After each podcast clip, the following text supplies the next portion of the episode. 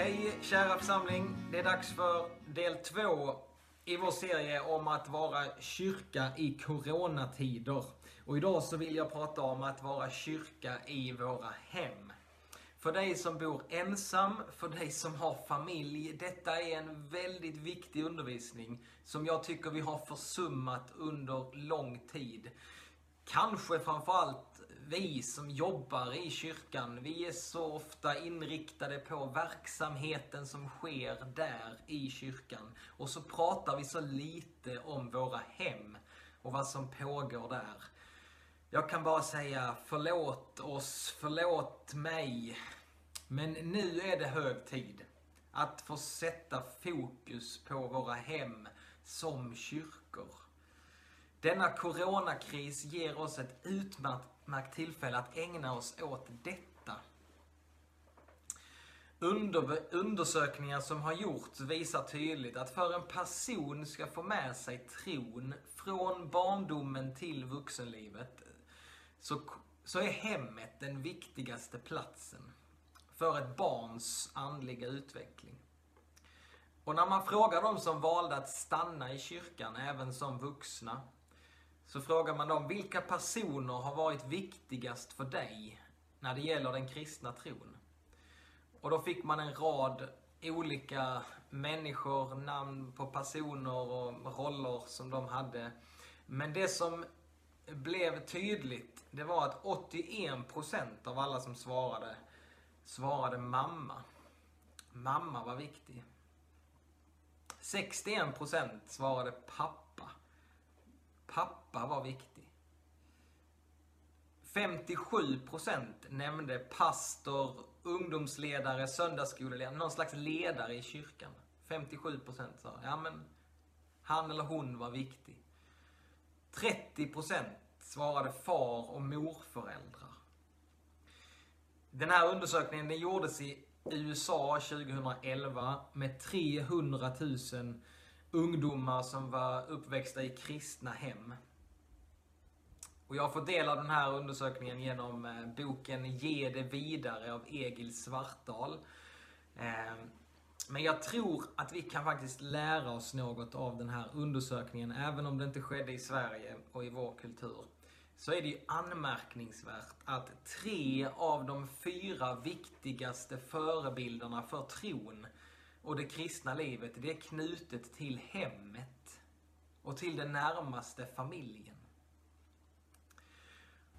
Och för de ungdomar som valde att lämna kyrkan så fanns det två huvudorsaker. Nummer ett var att de upplevde att Gud, han var bara viktig i kyrkan. Han var inte lika viktig hemma. Alltså avståndet mellan det som skedde i kyrkan och det som skedde i hemmet blev för stort. Jesus, han var bara i kyrkan. Han fanns inte där hemma. Då pratade man aldrig om honom. Man bad inte till honom. Utan han fanns bara i kyrkan. Den andra huvudorsaken var att när man väl började gå på högre utbildningar och universitet, ja då var ju inte Bibeln som gällde längre. Andra sanningar blev viktigare. Media och vänner tog över. Eh, tron hade inte fått tillräckligt djupa rötter för att få tåla motstånd och överleva i den där tuffa miljön. Så vad kan vi lära oss av detta? Jo, att det som sker i kyrkan, det är viktigt. Absolut, det är så viktigt att vi samlas söndag efter söndag.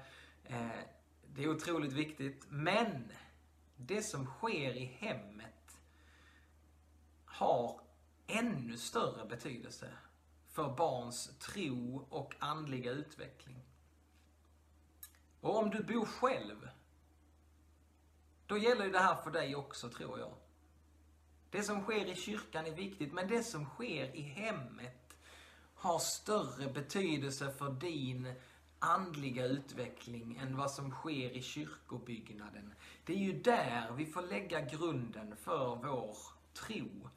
I vår dagliga andakt, i det som sker i det fördolda, Det fördolda livet med Jesus som vi alla är kallade till att leva.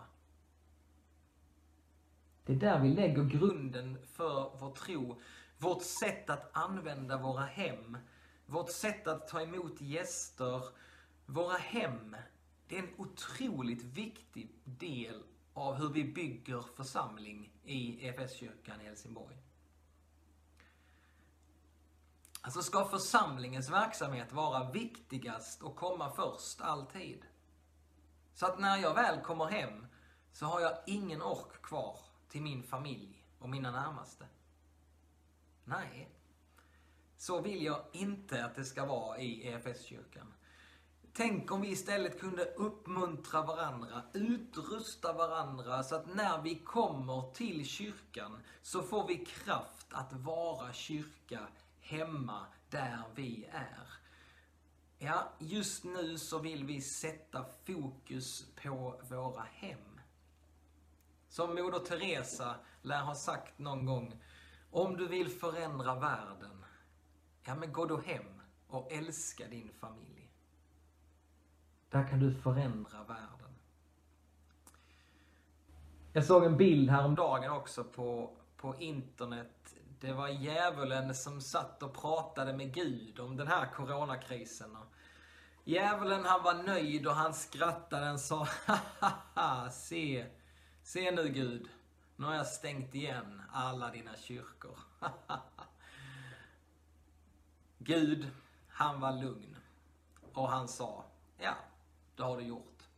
Fast jag har öppnat en kyrka i varje hem. Jag har öppnat en kyrka i varje hem. Och för Martin Luther så var hemmet den absolut viktigaste platsen för att föra tron vidare. Han sa att föräldrar, ni är apostlar, biskopar och präster för era barn. Det är föräldrarna som ser till att barnen lär känna evangeliet. Det ansvaret det kan man inte lämna över på en ungdomsledare eller en pastor, menade han. Och jag tror att det kan finnas ett dåligt självförtroende här, bakom detta. Jag tror att det kan finnas er som känner, jag är dålig på detta. Jag är rätt så dålig på att prata om tron. Ehm, det får någon annan göra. Kyrkan får ta hand om det. Söndagsskolan, ungdomsgruppen, Alfa. Jag är inte så bra på det. Men det är ingen bra väg att välja. Utan jag tror att varje förälder ska se sig som en andlig vägledare för sitt barn. Du är en andlig vägledare för ditt barn. På samma sätt som du vill vägleda dem på andra områden i livet, så ska du också vara en andlig vägledare till ditt barn. Ta gärna hjälp från andra, men släpp inte den uppgiften till andra. För du är jätteviktig där och jag vill bara säga att du kan. Du kan. Du kan visst det.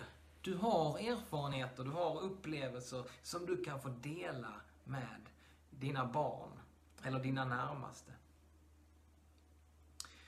Tidigare i vår lutherska kyrka så kallade man faktiskt hemmet för den lilla kyrkan. Det är inte så dumt va? Det är inte så dumt om vi börjar göra det igen. Den lilla kyrkan. Så låt oss nu söka Gud i den här tiden och fråga honom, vad är det du gör i den här tiden? Vad är det du vill vi ska upptäcka i den här krisen? Och kanske är det så att han vill återerövra kraften i att vara kyrka i våra hem. Det får inte vara så att kyrkan är den platsen där Jesus är. Och sen inte där hemma. Jesus han vill vara hemma hos dig. Om du bor ensam eller om du har familj, Jesus vill vara hemma hos dig. Så om någon knackar på och frågar, är Jesus hemma? Så svarar du ja. Ja, ja, han är hemma. Jesus, han vill vara hemma hos dig. Så frågan är, är Jesus hemma hos dig?